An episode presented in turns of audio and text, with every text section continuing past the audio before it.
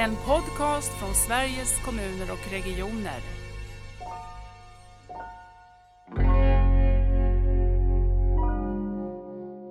För mig är det just det här gemensamma hälso och sjukvårdsuppdraget som region och, och kommun har tillsammans och att vi nu börjar prata med varandra istället för om varandra. Och det är väldigt mycket lättare att förstå behovet av intensivvårdsplatser eh, i den här situationen och det kan vara lätt att satsa ekonomi på det. Och därför så behöver vi då som jobbar med den andra delen verkligen jobba tillsammans för att visa hur viktigt det är för hela sjukvårdssystemet att man har en stabil eh, vård utanför akutsjukhuset i hela länet också.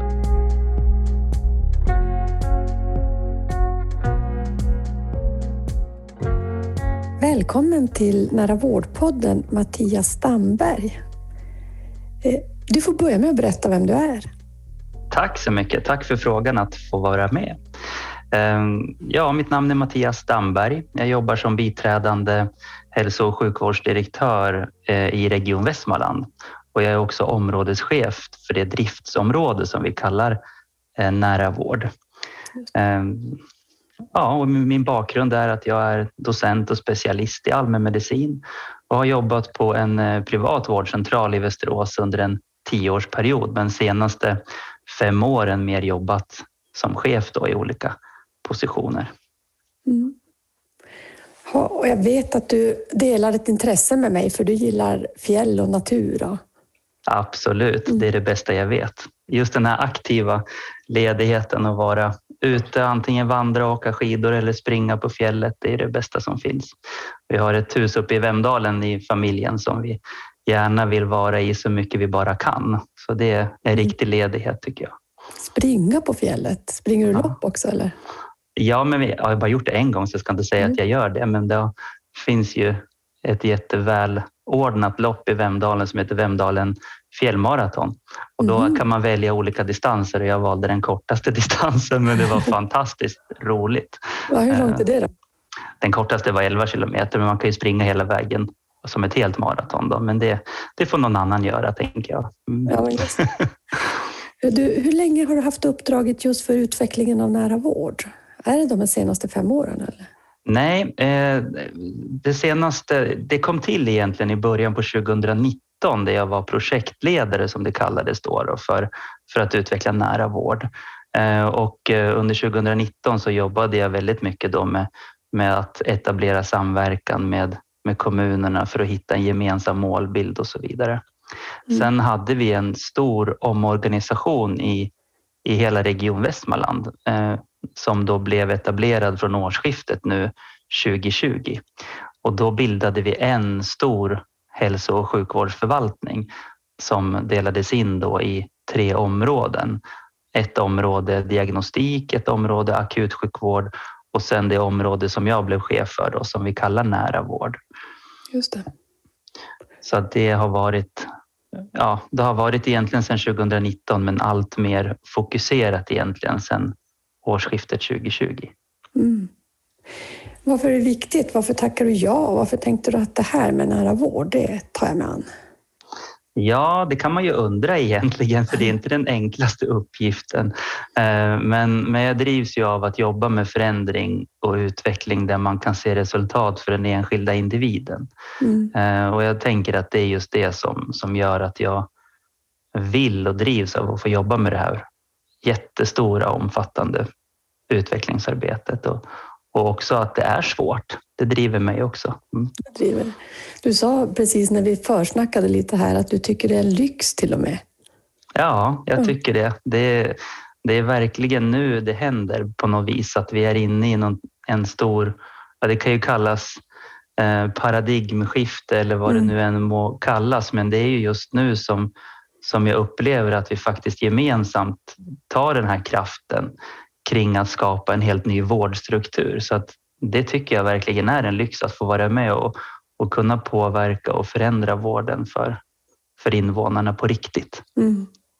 Jag brukar tänka också få vara med på något sätt och trygga en, en välfärd i, i Sverige som vi är så himla stolta och, och rädda om. Men då måste vi göra det på ett nytt sätt också för att trygga. Mm. Eh, jag har ju fått göra en sån här digital eh, landet runt-resa och har träffat fantastiskt många jätteinspirerande, eller haft många inspirerande samtal runt om i Sverige. Jag tänker när jag tänker på ert bygge så känns det som att ni gör det här så grundligt och, och genuint. Och du pratade om att redan 2019 började ni tillsammans med kommunerna. Säg någonting mer om det. Jo, eh, vi har ju börjat i den änden att vi har eh, pratat med varandra och egentligen skapat en slags gemensam förståelse för att det är ett gemensamt uppdrag, region och kommun. Vi började där och vi skrev inga rapporter och, och program hur vi skulle jobba utan min tanke tidigt var att vi skulle börja med att just bygga relationer. Eh, och vi har sedan tidigare en, en regional ledningsgrupp där regiondirektören är sammankallande. Mm. Där också alla tio kommuners kommunchefer och Västerås stadsdirektör då sitter med. Och där fick jag förmånen att en gång i månaden träffa dem och vara föredragande för just nära vård som vi hade som en punkt. Mm. Så det var någonting som vi, vi gjorde då ända sedan tidigt 2019 och, och den förankringen ser jag tillbaks på så här i efterhand är helt central för att, att vi la den här basen som jag tänker är så viktig att den behövs. Just det, det här relationella, att ändå skapa kontakterna med varann. Mm. Hur träffas ni nu? Då? Är det fortsatt i den konstellationen? Eller? Ja, precis. Mm. Jo, vi, det har fortsatt i den konstellationen och sen har ju det blivit att vi liksom har ju även chefsforum och socialchefsnätverk där vi från eh, hälso och sjukvården i regionen också deltar och där är ju socialcheferna väldigt taggade kring att vara med och utveckla nära vård. Så att mm. den här diskussionen och, och relationen har varit, liksom blivit starkare med tiden och det känns jätteroligt för det här är ju inte regionens uppdrag utan det är ju verkligen ett gemensamt tillsammansuppdrag som det står på så många ställen men det är viktigt att, att lyfta fram det. Mm. Jo, verkligen göra, inte bara låta det stå utan också göra det tillsammans. Ja. Eh, har ni kommit till de här svåra frågorna då? Eh, har ni kommit till frågor där, där ni brottas och inte riktigt där, eh, hittar framåt och, och vad hjälper er då? Ja, vi, eh, en fråga. Vi gjorde ju så i, i den regionala ledningsgruppen att vi, vi eh, tillsammans anordnade en, ett uppstartsmöte 4 oktober 2019 där vi bjöd in då alla kommuner och regionen, högsta politisk nivå och högsta tjänstemannanivå för att ja, ha en dialog om vad nära vård är för den enskilda mm. Eh, och vad, hur vi skulle komma vidare och utifrån det så skapade vi en gemensam målbild och sen kom ju pandemin emellan så vi lyckades inte då ha kraft att lansera det här programmet nära vård. Men det är gjort nu då och, och det som jag ser är en viktig fråga att även om målbilden finns så, så är det just det här med kommunikation och förankring som är en utmaning hela vägen ut i, i hela länet mm. och i alla kommuner. Mm. Så det är en jätteviktig fråga som vi, som vi jobbar med just nu. Mm. Jag tänkte vi ska komma tillbaka till den där, hur, hur kommunicerar man det här? Och för det är ju inte något helt enkelt. Men jag tänkte om du skulle sätta lite ord på vad nära vård är. Mm. Hur berättar du det? På tal om kommunikation.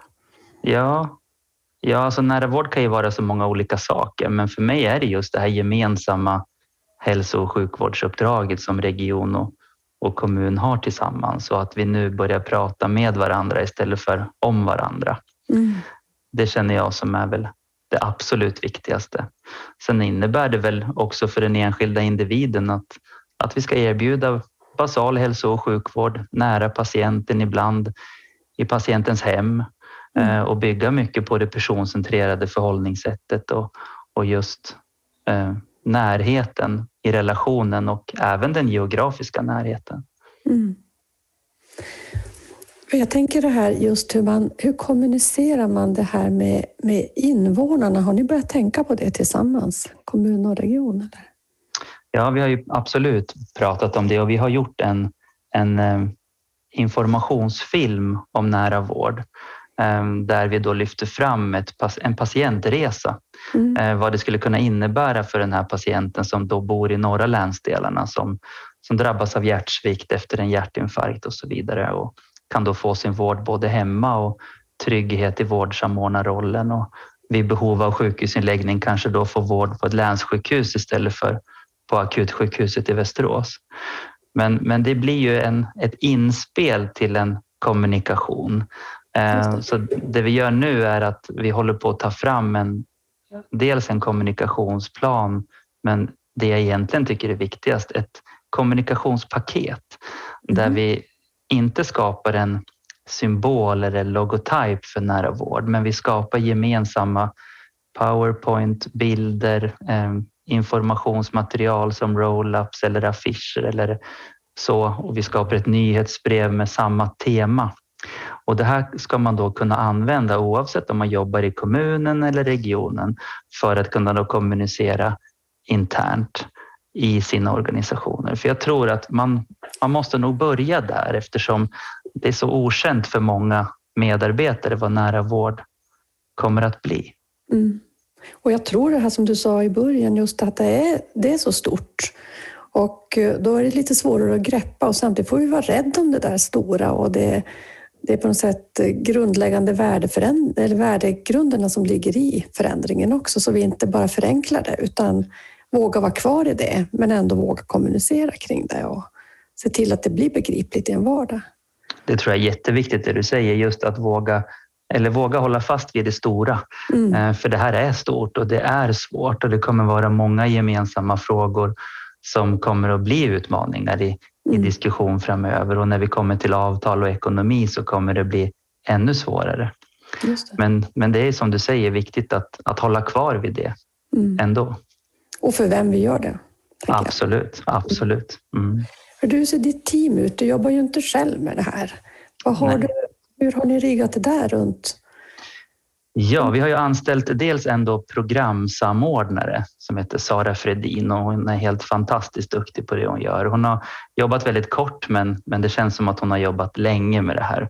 Mm. Eh, och, och, det är viktigt tycker jag att när, när man har någon så nära att man pratar samma språk och man vill åt samma håll. Så Sara är jätteviktig i sin roll att, sam, att hålla samman egentligen alla de utvecklingsprojekt som, som pågår och i relation till överenskommelsen då, god och nära vård. Sen har vi ju också skapat en länsgemensam ledningsgrupp mm. där både region och kommun deltar. Eh, och vi träffas varje månad och det är också ett fantastiskt gäng.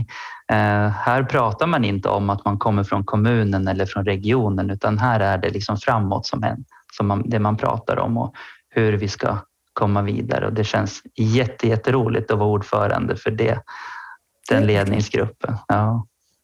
Men har de någon motsvarighet till Sara också på, för kommunerna eller? Ja, precis. Mm. De har precis anställt det. Eh, och eh, det, det, är inte en programsamordnare, men det är som en, en länk in till kommunerna och Sara och Lillemor Kvist, som hon då heter, kommer att jobba väldigt mycket tillsammans. Och Lillemor är hon brukar presentera sig som en gammal socialchef eller avdankad socialchef tror hon säger. Hon har större kvaliteter än så och hon är oerhört insatt i hela nära vård, tanken och utvecklingen. Sen har vi ju ett införandestöd med Dag Norén till hjälp som mm. vi inte ska glömma och det, Dag är ju enormt erfaren utifrån mobil närvård och, och nära vård och närsjukvårdsbegrepp mm. så att vi är jätteglada att ha Dag med på vår resa. Mm. Vad gör han? Alltså, vad blir införandestödet?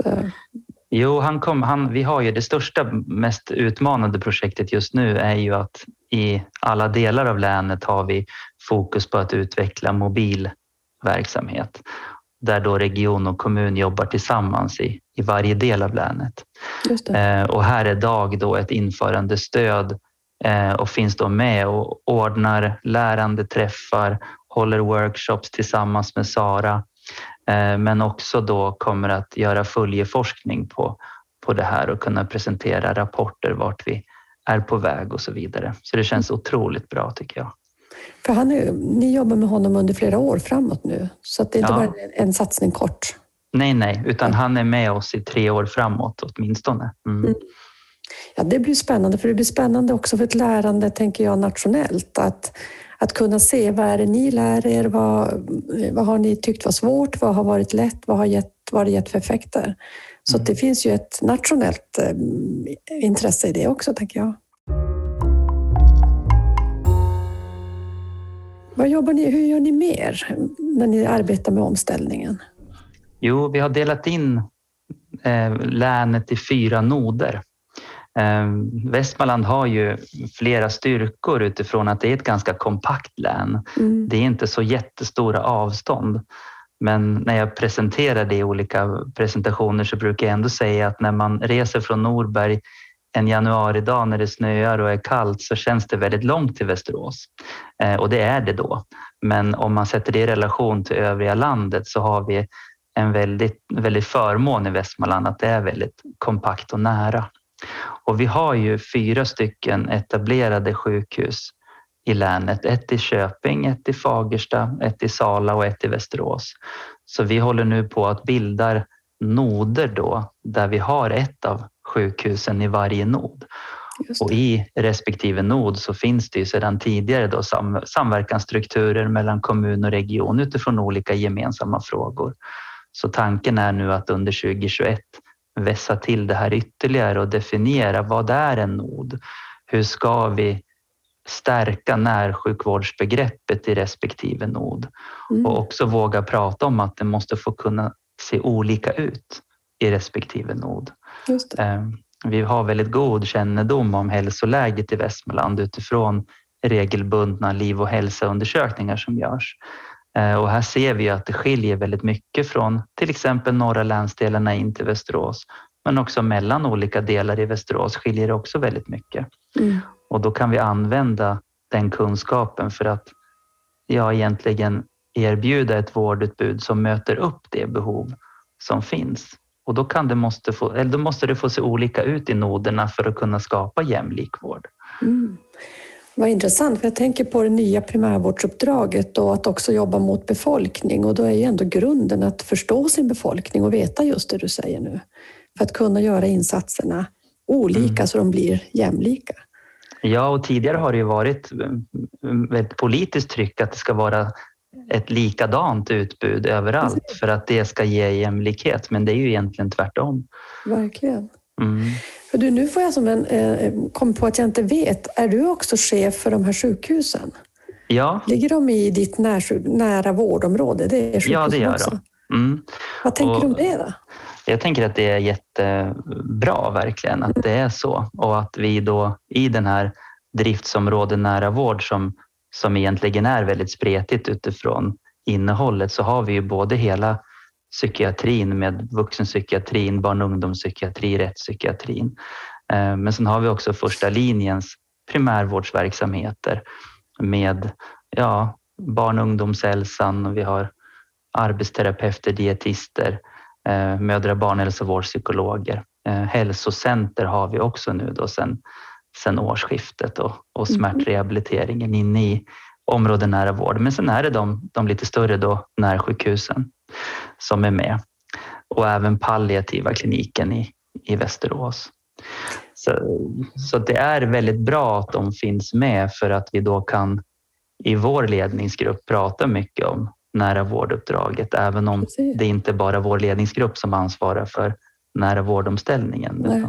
Mm. Men vad blir kvar då? Vad finns i de andra? Det är mer akutsjukvården eller vad finns? Ja, egentligen är det sjukhuset i Västerås som då ja, blir akutsjukhuset med, ja, med alla de kliniker som, som finns där. Mm. Sen har vi också då områdediagnostik med, mm. med labb och röntgen och fysiolog mm. och så vidare.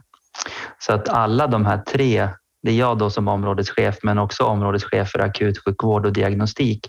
Alla vi sitter med i den länsgemensamma ledningsgruppen för att utveckla nära vård så vi får som hela hälso och sjukvårdsförvaltningens perspektiv där. Just det. För det tänker jag verkligen har, tycker jag också blev en resa när man har följt Anna Nergårds utredning från fokus på primärvård till att se primärvården som navet i hela sjukvårdssystemet. Mm. Och då måste ju sjukvårdssystemet också innefattas i våra förändringar och våra tankar. Och... Absolut. Mm. Och just primärvården, jag sa inte det, men vår, vi har ju vår beställarfunktion för vårdcentralernas uppdrag heter ju vårdval primärvård hos oss. Eh, och de finns också med i område nära vård. Så hela primärvårdssystemet finns då också i det här området och det känner jag är otroligt roligt. Dels utifrån min bakgrund som kommer ifrån primärvården själv men också att det är ju centralt att det primärvårdsuppdrag som vi definierar måste ju haka i nära vårdutvecklingen framöver. Mm. Ser du att det har förändrats, er beställning, eller har den anpassats? Eh, den håller på att anpassas. Eh, Maria Martinsson som är chef för Vårdval primärvård, när hon började så fick hon ett uppdrag av mig att ta fram ett nytt primärvårdsprogram och ny ersättningsmodell mm. just för att kunna haka i det här med nära vård. Mm. Eh, och, och, det har blivit väldigt, väldigt spännande. Mm. Ja, och hon gör det här på så bra sätt och inte att man gör det från vårdval primärvård självt utan en involvering av vårdgivarna som, som då sitter med i det som de kallar vårdvalsrådet. Alla är med och tar fram det här tillsammans och eh, ser vad är det man skulle vilja ha som ett primärvårdsgrunduppdrag och hur skulle man kunna tänka med vissa detaljer. Det har ju varit oerhört fokuserat på detaljer mm. Eh, och kvalitetsuppföljning Just. på enskilda parametrar som kanske inte riktigt alltid är kvalitet.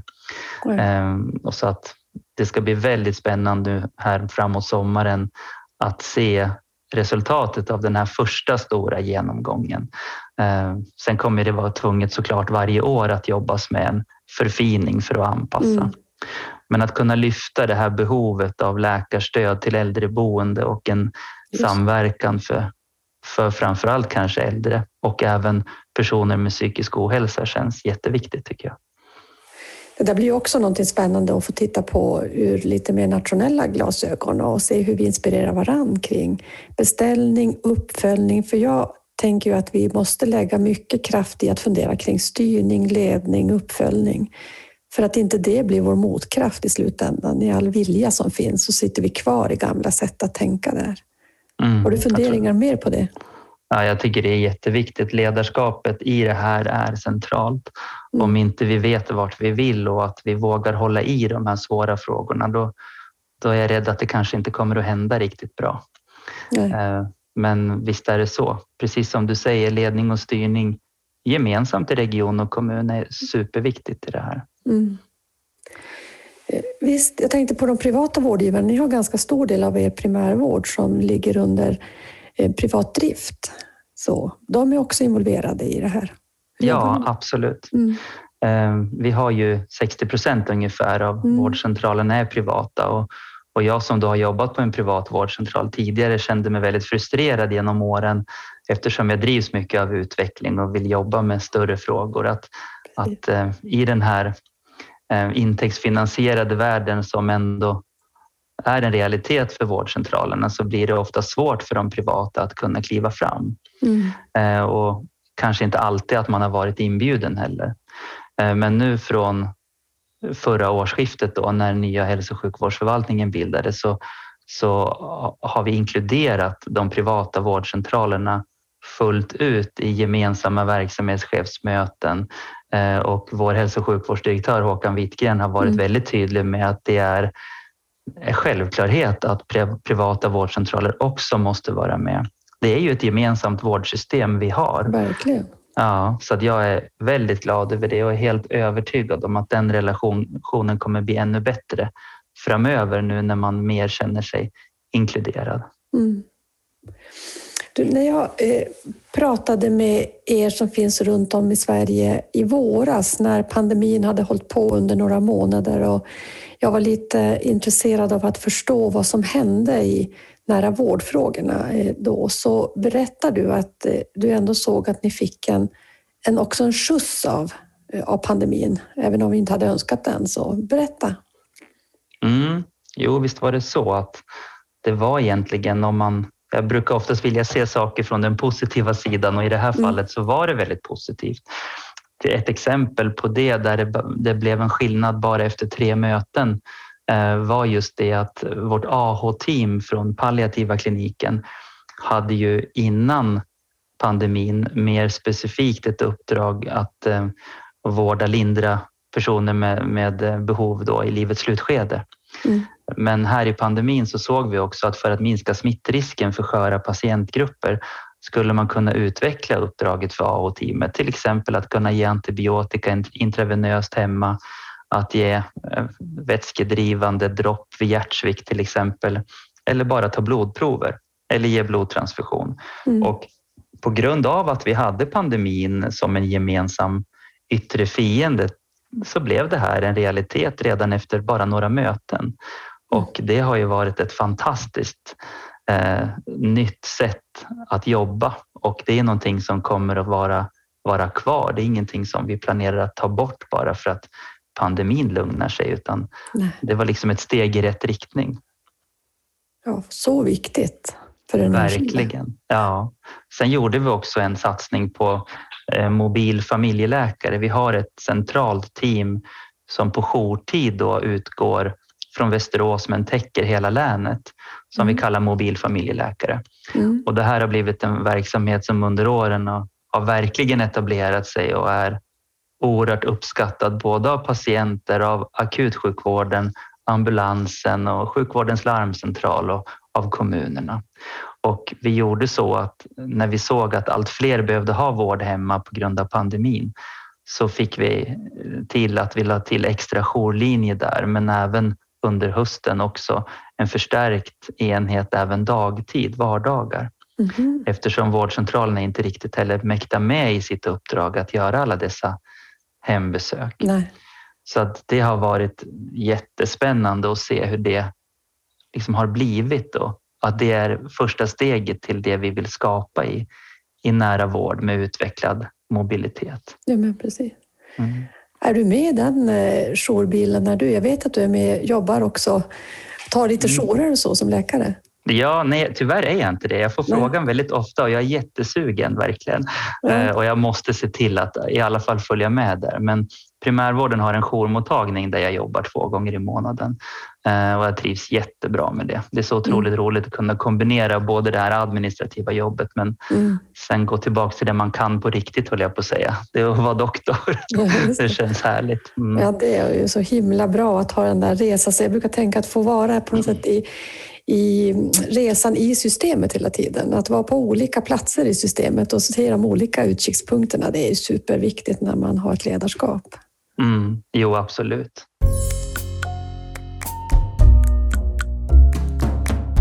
Du, du pratade, jag vet att du också nämnde när, den där, när jag ringde runt och, och pratade mer och mejlade mer och så, eh, att ni brottades det här med journalföringen och eh, att ni funderar på hur man kunde ta sig vidare i den frågan. Hur går det? Jo, vi har ju erbjudit alla kommuner gemensam alltså läskopia eh, mm. av Cosmic som vi har som journalsystem under pandemin.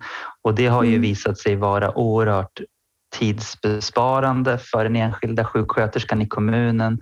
Det blir en bättre delaktighet för patienterna, att man liksom kan då få hela bilden av, av vården och patientresan och inte bara liksom fragment på det sättet när det är uppdelat. Så att just gemensam journal är väl en sån utmaning och en fråga som är brännande het just nu. Där mm. vi har diskuterat det tillsammans med kommuncheferna nu ja, i flera månader faktiskt. Eh, och alla upplever jag är överens om att det här är det vi vill ha. Sen är det svårt utifrån ekonomi och avtal och så vidare men, men den frågan är oerhört central och, och min bild är att vi ska lyckas med det och jag tror vi kommer att göra det också. Mm. Mm. Eh, jag tänker också på det här med digitalisering. Har ni digitaliseringsprojekt och arbeten också i, inom nära vårdparaplyet? Ja, för en verksamhet som jag inte nämnde det är just den här 1177 och mobil familjeläkare jourmottagning. Det ligger också i området nära vård.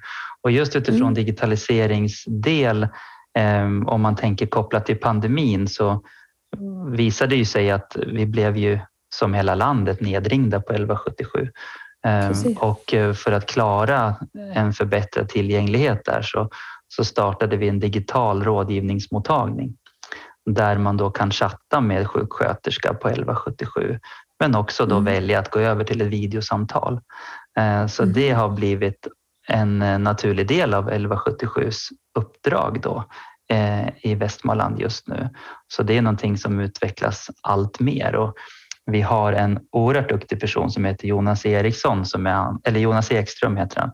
Eh, han det kanske du känner till. Han är ansvarig för mm. digitaliseringen i, i, inom hälso och sjukvården då i Västmanland och han eh, driver ju väldigt mycket av sin tanke av det här med gemensam digital mottagning där man då kan koppla på andra funktioner. Och en sån del som vi gör en förstudie kring nu, det är just det här att kunna erbjuda eh, eh KBT på nätet, internet-KBT. Där vi haft det tidigare då på, eller har det på alla vårdcentraler. Men har väl inte riktigt blivit en naturlig del av, av uppdraget så att det är ganska få patienter som, som får möjligheten mm. till det här. Ehm, så det vi tittar på nu är att även det kanske skulle kunna centraliseras ehm, mm. på ett sätt att det finns en central då, internet KBT-mottagning som då kan nå många fler.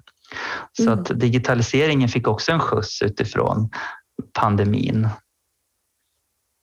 Verkligen. Och jag tänker det du säger kring 1177 och, och det här gemensamma att jag tror att vi behöver fundera mycket på, det är ju som två olika logiker, det som är logiken geografiskt eh, nära och det som är logiken nära men kanske inte alls geografi, men det kommer ändå nära mig och att vi måste lyckas med att förena de där två delarna mm. så de inte blir varandras konkurrenter. Absolut, det tror jag är jätteviktigt. Håller med dig helt. Det är två, mm. två delar som måste hänga ihop. Mm. Eh, jag tänker, nu har ju pandemin pågått ett helt år. Ser du andra effekter nu som du kanske inte såg i våras när jag pratade med dig? Eh, jag tycker egentligen att det har fortsatt. De strukturer som, som vi lyckades bygga då under den här första vågen med den mobila verksamheten, AH-uppdragets extra och så vidare. De finns ju etablerade nu och mm. rullar på faktiskt väldigt fint. Vi gjorde ju också luftvägsspår som vi kallade det där vi mm. skilde då luftvägssmittade patienter från andra patientgrupper när man då kommer till vården, till exempel till jourmottagning, akuten eller till vårdcentralerna. Det finns ju fortsatt etablerat så att en stor del tycker jag av den här första linjens verksamhet och verksamheten utanför akutsjukhuset, den har liksom blivit lyft i, i betydelsegrad under pandemin. Mm. Man ser mm. så tydligt på akutsjukhuset att om inte första linjen fungerar så, så drabbas hela systemet. Och, och nu när det verkligen gör det så ger det effekt även på vårdplatser och så vidare. Så att, ja. ja, några ytterligare effekter ser jag nog inte riktigt utan snarare att jag är väldigt glad att vi lyckas hålla i det vi skapade under första vågen. Ja, men det, var, det tänkte jag, det känns ju härligt att höra så man inte tänker att ja, men det var på något sätt i början och nu orkar vi inte riktigt utan du ser effekterna fortsatt. Och jag tänker den här första linjen, precis det du säger, att den nära vårdens synlighet, eh, vad den betyder för ett hållbart hälso och sjukvårdssystem, det ser vi både i det du beskriver och i fokuset på en, en god till exempel läkartillgång i, i den kommunala hälso och sjukvården och kompetensbehovet där och så. Mm.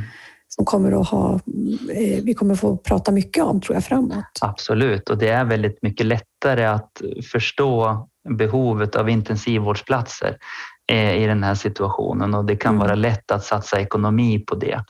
Eh, mm, och därför så behöver vi då som jobbar med den andra delen verkligen jobba tillsammans för att visa hur viktigt det är för hela sjukvårdssystemet att man har en stabil eh, vård utanför akutsjukhuset i hela länet mm. också. Mm, verkligen. Mm.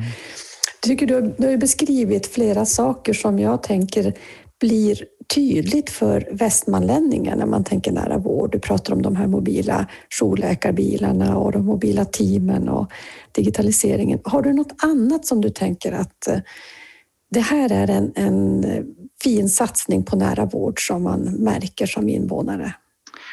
Jag tänker på två, två saker. Kortsiktigt så kanske det inte blir, inte blir jättestora skillnader men en sån liten, liten sak som vad ett sjukhus heter i länet kan vara mm. viktigt. Mm. Jag vill ju verkligen att vi ska stärka närsjukvårdsbegreppet eh, och att mm. man som invånare förstår vad det är. Och då, då måste vi också veta vad vi kallar våra olika platser i vården.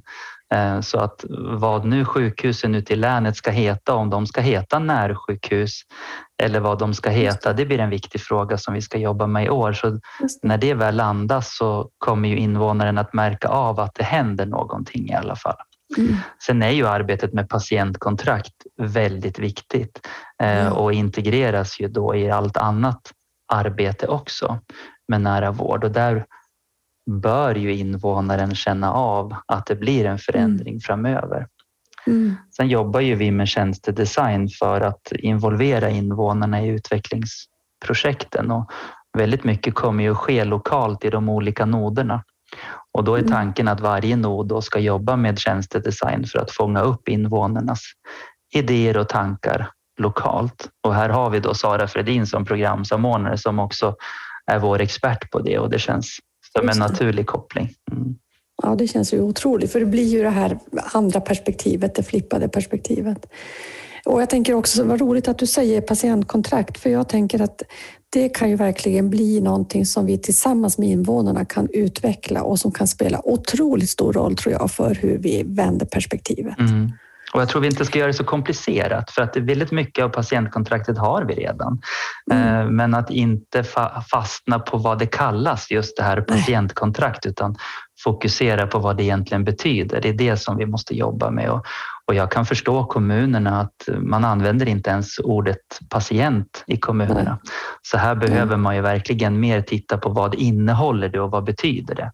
Och här mm. har vi också gjort en sån informationsfilm om patientkontrakt som då ska Jaha. haka i den här nära vårdfilmen med samma patientresa och så vidare. Så att den kommer att lanseras här inom kort och det ska bli jättespännande. Nej, vad, vad spännande. Du, du berättade också någonting om eh, ett projekt eh, kring ungas hälsa. Ja. Mm. Eh, jo, precis. Det är ju ett projekt där det verkligen eh, har visat sig ett stort behov men också där invånarna märker av en skillnad. Eh, och den kallar vi då för mottagningen för tidiga insatser. Eh, och här är målgruppen då små barn mellan 0 till 6 år som har fler än två misstänkta funktionsnedsättningar. Eh, och i den här mottagningen så samverkar då, det är som ett nätverkstänk där både kommun och region samlas då kring familj och barn. Så att växer en misstanke på förskolan eller av en förälder eller på, inom hälso och sjukvården i övrigt så, så kan man då skicka remiss hit till den här mottagningen och sen så samlas man då olika professioner från region och kommun kring, kring barnet och familjen. Och det här har blivit oerhört uppskattat och remissinflödet är väldigt stort eh, så att det finns sannolikt ett stort behov av det här. Och det mm. här är ett projekt som kommer att pågå då hela det här året.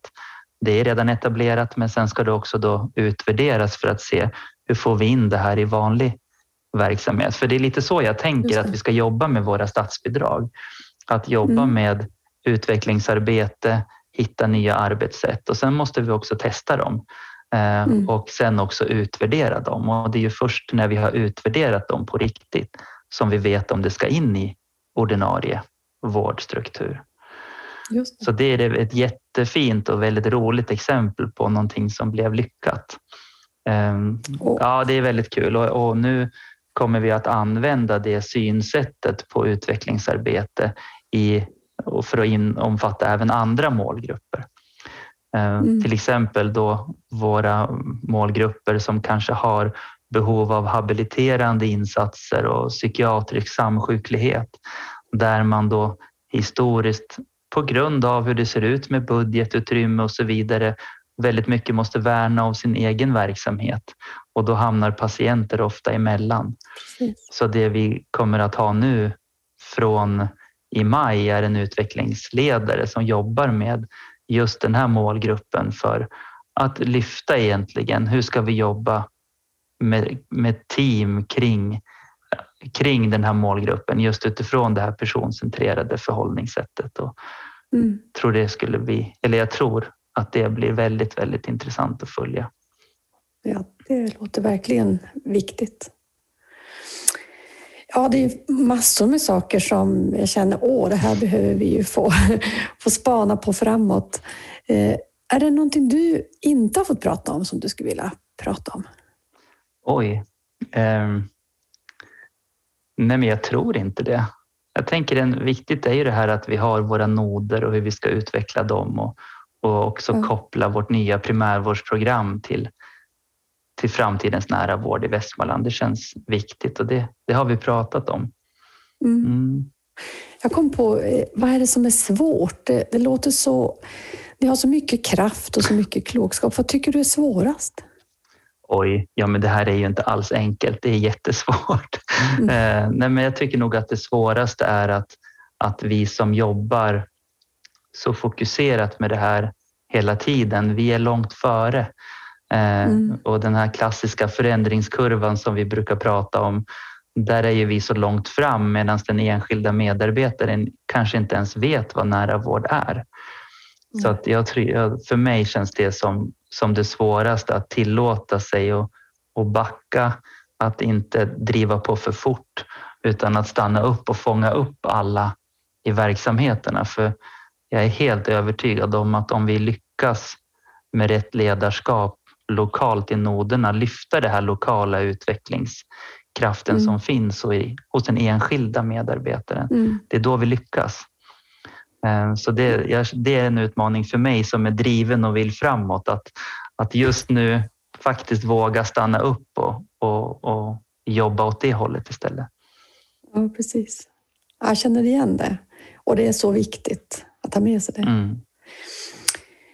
Mattias, om du ska avsluta med att säga vad är nära för dig?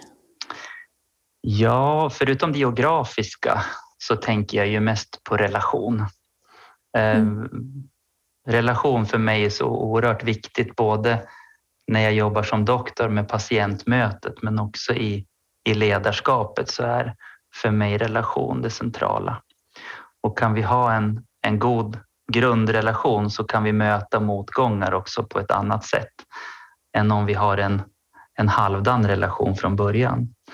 Och det behöver inte vara så svårt tänker jag, utan mycket lyssna och, och eh, mm. försöka förstå varandra. Det tror jag är det viktiga. Så nära blir väldigt mycket relation. Stort tack för att du ville vara med i Nära vårdpodden, Mattias. Tack Lisbeth, tack för inbjudan.